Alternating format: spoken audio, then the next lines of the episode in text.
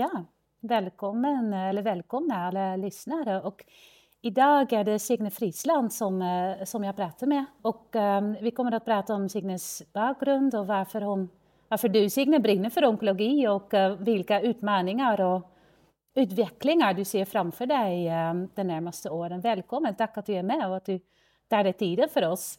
Tack att jag fick uh, vara med. Mm. Mm.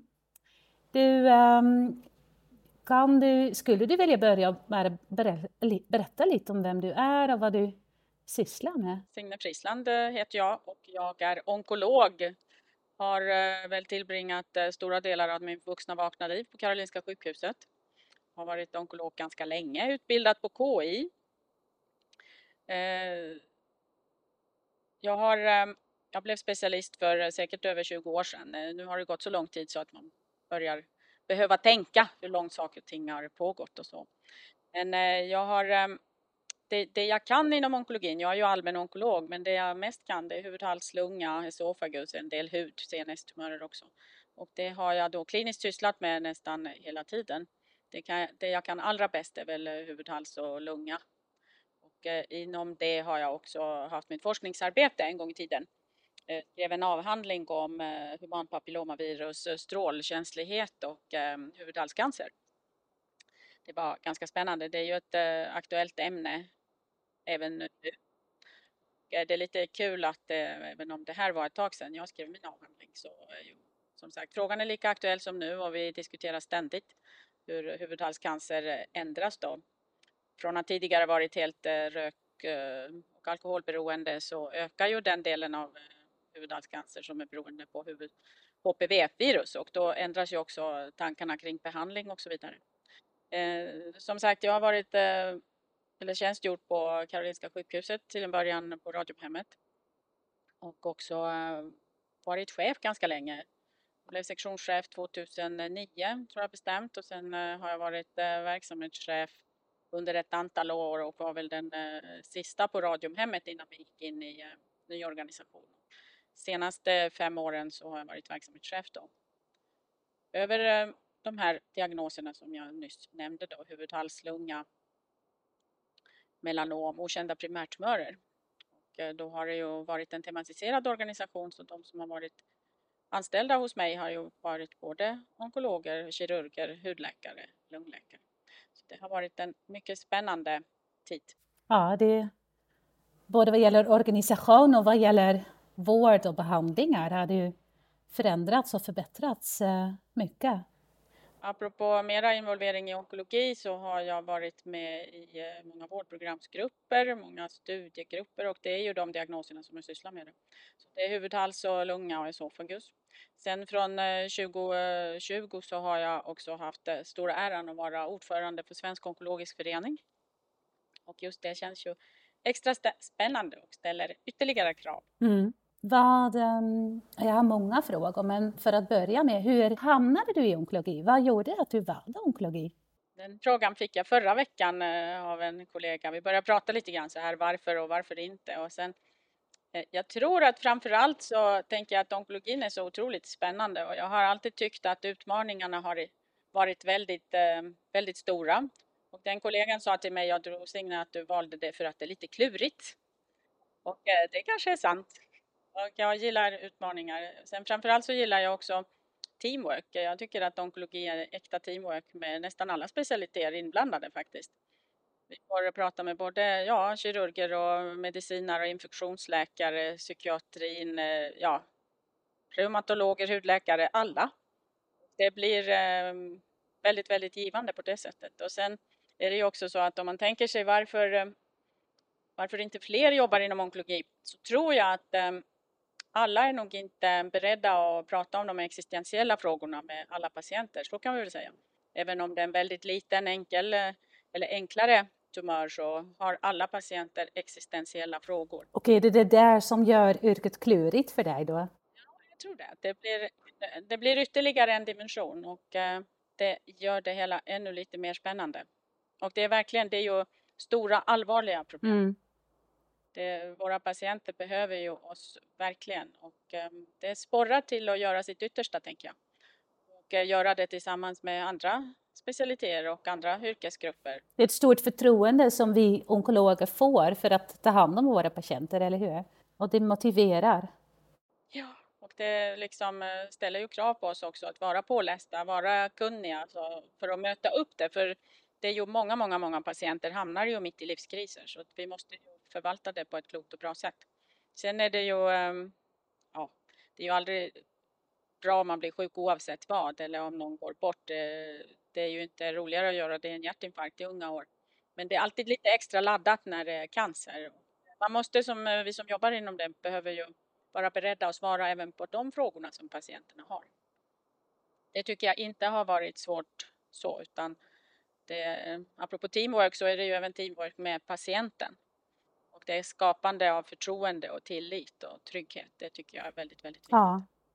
Vill jag gärna ta hand om liksom hela patienten. Från någon kollega som sa att ja, onkologi är inte det, den specialiteten som verkligen tar hand om hela patienten. Det är inte så organspecialiserat, även om vi organisatoriskt ibland jobbar organ liksom specifikt. Men det är ju faktiskt så att det påverkar ju hela patienter och vårt sätt att närma oss patienter och alla behandlingar är ju också att vi behöver tänka på helheten. Mm, verkligen. Det där de är såna, att, att man bemöter sådana existentiella saker, är det någonting som blir lättare eller som, man, som du har fått lättare att hantera när du har kommit längre i din karriär eller har det inte förändrats? Det är en ganska spännande fråga, en ganska djup fråga. Eh, det är ju aldrig enkelt liksom, för att berätta för någon att det inte går bra. Alltså det är enkelt att berätta när någonting går bra allting funkar som det ska. Det är alltid kul när det går bra, men när det inte gör det så blir det ju inte liksom roligare även om man har jobbat i 20 år eller 30 år. Jag tror att eh, vårt eget sätt, eller liksom mitt sätt, säkert ditt sätt också, det mognar ju lite grann med åren. Att man, man blir mer nyanserad, man eh, gör det lite klokare, lite bättre. Men det blir ju inte lättare eller roligare, det gör det inte. Utan eh, det tänker jag att det är mer en, en del av vår vardag och att vi eh, behöver eh, vi behöver ju vara ganska kreativa och påhittiga och ha en enorm mängd av ja, helt enkelt ja, tålamod. Ja, försöka bemöta alla där de är. Bli väldigt, nu tappar jag bort ordet jag letar efter, men vi behöver bli väldigt ödmjuka inför, eh, inför själva faktumet, inför våra patienter och vad vi kan göra. Så att eh, jag tror att vi blir mer nyanserade helt enkelt med åren. Det känns... Eh, man lär sig bättre att förmedla och kommunicera kring detta? Att man blir, ja, jag inbillar mig i alla fall att vi blir lite bättre vartefter. Att det är ju också en utveckling. Det finns ju jättemånga jätteduktiga, väldigt unga eh, kollegor som eh, som vi ibland säger, men är redan bra från början. Men, men tror du att det här är någonting som, för jag håller absolut med att, att det är någonting som mognas och som man utvecklar själv, man blir kompaktare och effekt, tydligare i hur man kommunicerar. Är det också en generationsskifte, att ny, yngre generationer av onkologer Kommunicera på ett annat sätt?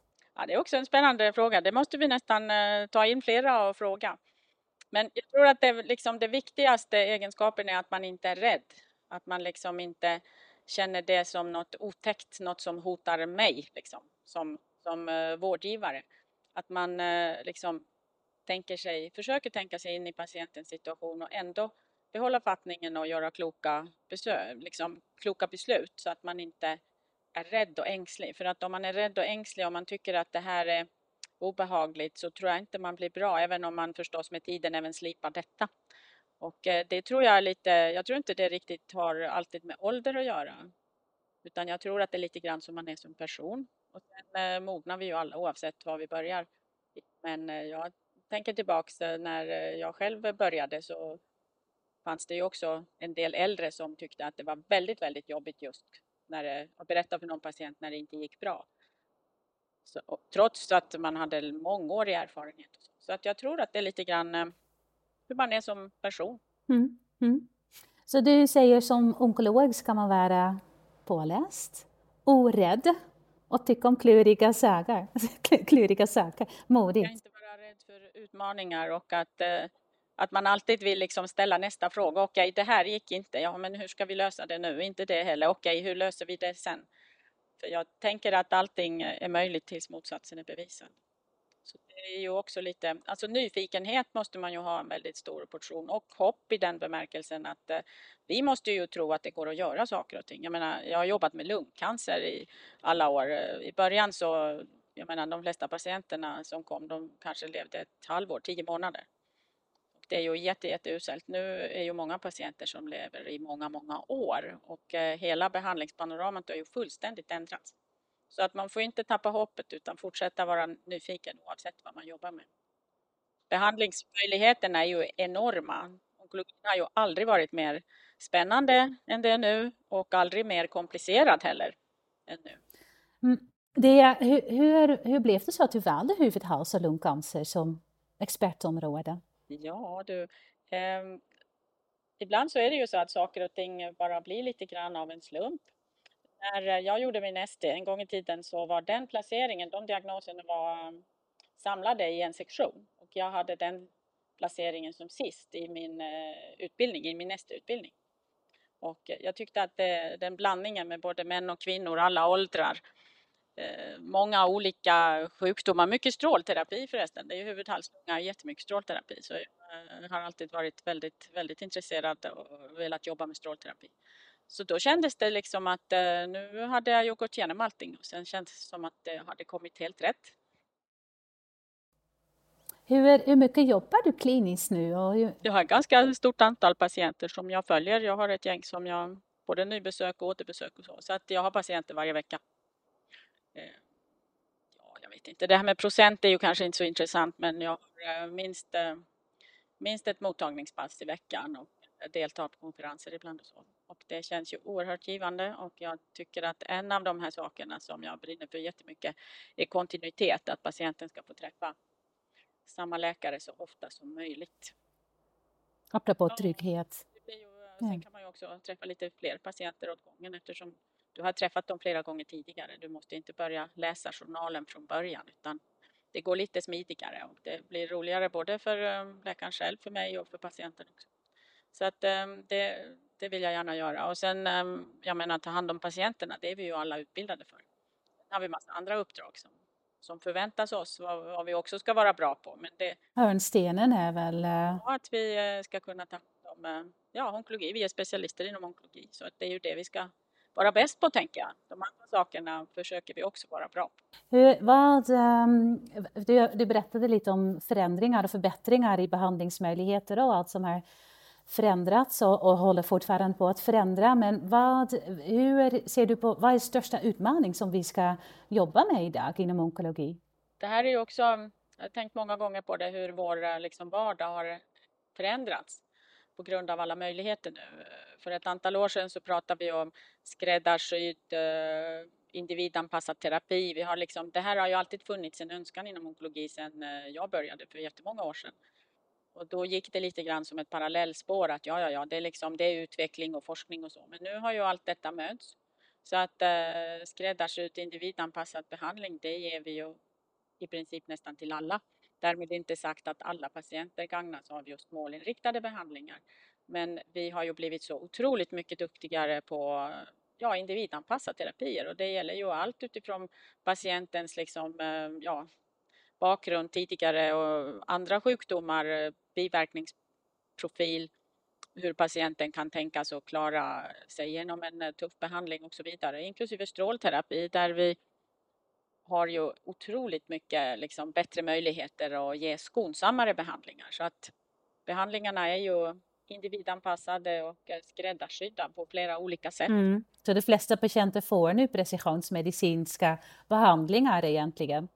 Absolut, och sen är det ju i det ingår ju också att eh, vi måste ju försöka alltid fundera över rätt patient eh, till rätt behandling eh, och i rätt tid och det kan ju det behöver ju inte alltid innebära att vi kan ta en molekylärpatologisk diagnos och hitta exakt rätt piller. Det kan ju innebära även mycket annat.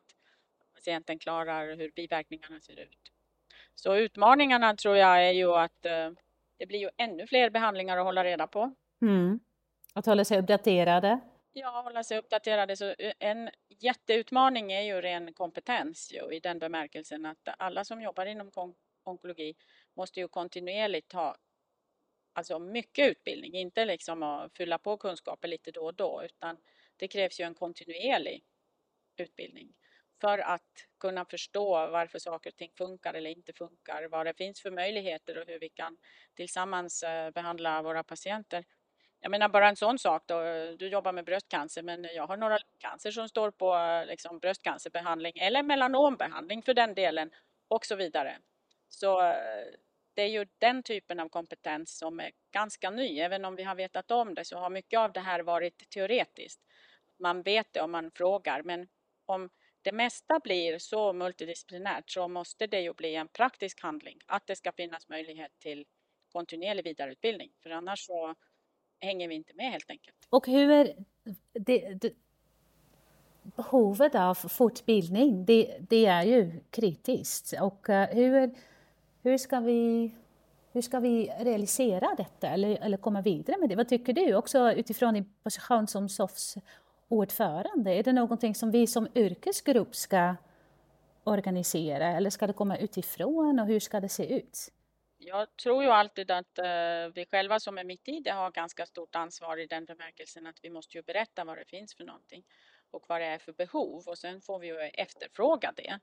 Och jag tänker också att eh, när det gäller ST-utbildningen så är det ju väldigt enkelt på det sättet att det finns ju en väldigt tydlig plan från Socialstyrelsen som talar om hur man ska utbilda sig under eh, drygt fem år. När det gäller specialisternas vidareutbildning så finns det ju inga sådana tydliga gränser. Jag önskar och vi kommer att göra det från SOFs sida, tänker jag, att vi ska komma med lite, ja, lite tankar och lite önskemål vad som bör ingå i eh, specialisternas eh, vidareutbildning och jag hoppas att jag får med mig många runt om i landet på olika sjukhus och olika universitetskliniker så att vi gemensamt ska komma med ett förslag och så här tycker vi att det här är rimligt att en, eh, ja, en nybliven specialist, vad är det som ska ingå i den här fortsatta kontinuerliga vidareutbildningen? För det, det är liksom, vi måste det. För annars kommer vi inte reda ut det, inte bara för att det liksom blir väldigt komplicerat utan det blir också så att det blir väldigt många fler patienter. Det skulle inte förvåna mig att vi inom ett antal år, ja kanske inte dubblar alla, men många patienter på grund av att folk lever så pass mycket längre. Det handlar om ju år och decennier snart. Och då måste vi ju på något vis kunna, ja, ändå kunna ta hand om det. Den farhåga är ju att det är ju ehm, svårt att få folk att jobba inom sjukvården nu, apropå unga människor och inte minst sjuksköterskor och också läkarna som säger att ja, det är mycket och det är tungt och allt möjligt. Så att en av sakerna måste ju vara att berätta vad det är för spännande som händer inom onkologin och hur, hur mycket vi kan göra nytta, hur häftigt det är när man faktiskt kan bota saker och ting som man absolut inte kunde göra tidigare. Så det är en stor portion av entusiasm och eh, liksom positivt, ja, det är en mindset ju också. Att det inte är jobbigt och tungt och så, utan det är kul och extremt mycket givande egentligen. Mm. Och väldigt hoppfullt också. Det, det, blir mer och mer hoppfullt att jobba inom onkologi. Om man bara jämför med fem år sedan. Samtidigt... Ja, förlåt, jag skulle Nej, säga att jag hoppas att vi kan komma överens vad det är för en, ja, ska vi säga någon sån här baskrav då för fortsatt vidareutbildning. Att vi liksom eh, från SOFs sida också tillsammans med ja, klinikerna runt om i landet att vi kommer överens om hur ett sådant krav kan se ut, ett basbehov och sen att vi ser till att det finns möjlighet för våra kollegor att fortsätta vidareutbilda sig. För det här är ju också en del av att man känner sig trygg och eh, blir mindre stressad om man vet vad man ska göra. Så att jag hoppas att vi får någon form av eh, ja, regelverk vet jag inte, men liksom en slags ramverk så att vi är överens att i Sverige gör vi på följande sätt. Man har lyft jättemycket inom strålbehandling nu, inte minst då för eh, ny svensk strålonkologisk förening då. Eh, Kjell bland annat har ju eh, lyft eh, detta arbete jättemycket och det behövs ju flera som tänker och strävar åt samma håll så blir det bra. Jag är optimist så jag tror att vi kommer att komma överens. Det är klart vi kommer att komma överens om att, eh, vilken utbildning vi ska erbjuda. Ja, nej, men det, jag, jag, jag tror nog att alla delar behovet av att satsa på det och formalisera detta. Det, det känns väl som det, det ingår i att ja, skapa ett sådant eh, ramverk. Och att vi just själva gör det. Jag tror inte, jag vet inte vem det är, Socialstyrelsen, de eh, ger ju legitimation, de är ju klara då i och med ST-utbildningen. Så det är någonting som vi från ja, SOFs sida och från olika kliniker runt om i landet behöver komma överens om. Så att SOF hoppas jag kan underlätta och, och bana väg lite grann. Mm. Ja, men det låter smart att det kommer från yrkesgruppen själv och inte från någon extern som bestämmer hur vi ska fortbilda oss. En annat, ett annat stort dilemma är förstås kostnader och hur vi kommer att ha råd eh, med detta. Och, um, säkert om vi får mer och mer behandlingar om våra patienter lever längre. Tycker du att sådana frågor som är otroligt komplexa och alldeles för djupa för att diskutera väldigt ingående här, men tycker du att sådana frågor bör ligga på vårt bord också? Eller tycker du att det är mer en politisk fråga? Jag tror ju, eh, jag är en sån här obotlig eh, person som tror på eget ansvar i den bemärkelsen att jag tror absolut att vi ska vara delaktiga i den diskussionen och den dialogen. Sen tror jag att vi behöver uppvakta våra politiker och våra regioner flitigt, men det kan vi ju göra tillsammans. För eh, det är ju absolut, ja i slutändan är ju liksom hur hur våra medborgare, hur, vad det är för skattepengar som avsätts för eh, att ta hand om sjukvården inklusive onkologin. Och den dialogen behöver ju vara ju, eh, ja, tillsammans för annars så blir det fel. Jag tror att vi behöver vara extremt mycket påhittiga för att ha nya arbetssätt, hur, eh, liksom, hur vi ska stödja våra patienter på bästa sätt, även om de är många fler. Vi behöver patienternas och anhörigas delaktighet i vården på ett helt annat sätt och att vi behöver lyssna jättemycket på dem och jag tror att de kan eh, hjälpa oss väldigt mycket det har väl varit lite grann så här att man tänker jo men nu ska vi ta hand om allt från sjukhusets sida men det funkar eh, inte alltid i den bemärkelsen att patienterna är hos oss väldigt kort tid. Och de är ju ASI och palliativa vårdenheter, eh, stöd utanför sjukhuset och inte minst patientens familjer är ju oerhört viktigt. Så att där behöver vi hitta bättre gemensamma arbetssätt så att vi ja, att vi blir lite mer effektiva helt enkelt. Och eh, vi ska ta det ansvar som bara vi kan göra. Men eh, det som andra kan göra behöver de ta ansvar för. Annars kommer inte det här gå ihop. Och sen eh, tänker jag att på sikt är det ju faktiskt fler som botas också. Så att eh, det, det är en fråga för alla inblandade, tänker jag. Mm, mm. Men ett, ett smartare användning av resurser, det är, det är vad som krävs, säger du? Ja, jag tror det. Vad, vad, tänker du själv kring det där? Det är du som ställer frågorna, men det här är liksom knepigt. Då. Jag tror inte det finns liksom ett universellt svar på det, utan jag tror att vi från olika delar av eh, ja, alltså professionen, sen också politiker, regionerna, RCC-erna. Vi behöver gemensamt ha en sån eh, diskussion och eh, traska oss igenom det här och se var kan vi behöva hjälpa varandra så att alla blir omhändertagna på ett sätt som... Eh, nej, nej, jag håller med Signe om du, om du vänder på frågan. Jag tycker att det är ett faktum att resurser är begränsade.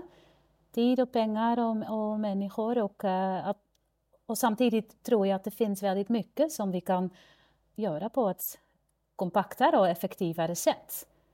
Sådana initiativ som Choosing Wisely till exempel, vet du klokare val, det är sådana saker som det har vi inte kommit så långt med inom onkologi, men det är så vitt jag vet i alla fall. Möjligtvis att du är mer insatt i vad som pågår för initiativ. Vi har ett litet embryo kring det här. Alltså SOF har ju givit uppdraget till eh, vi har eh, vår vetenskaplig sekreterare David Lindqvist och sen eh, Maria Wolodarski som du också känner som brinner för mycket ja, hållbarhetsfrågor har fått uppdrag från SOF att börja bilda lite nätverk runt om i landet. För det måste finnas folk som tycker att det här är bra.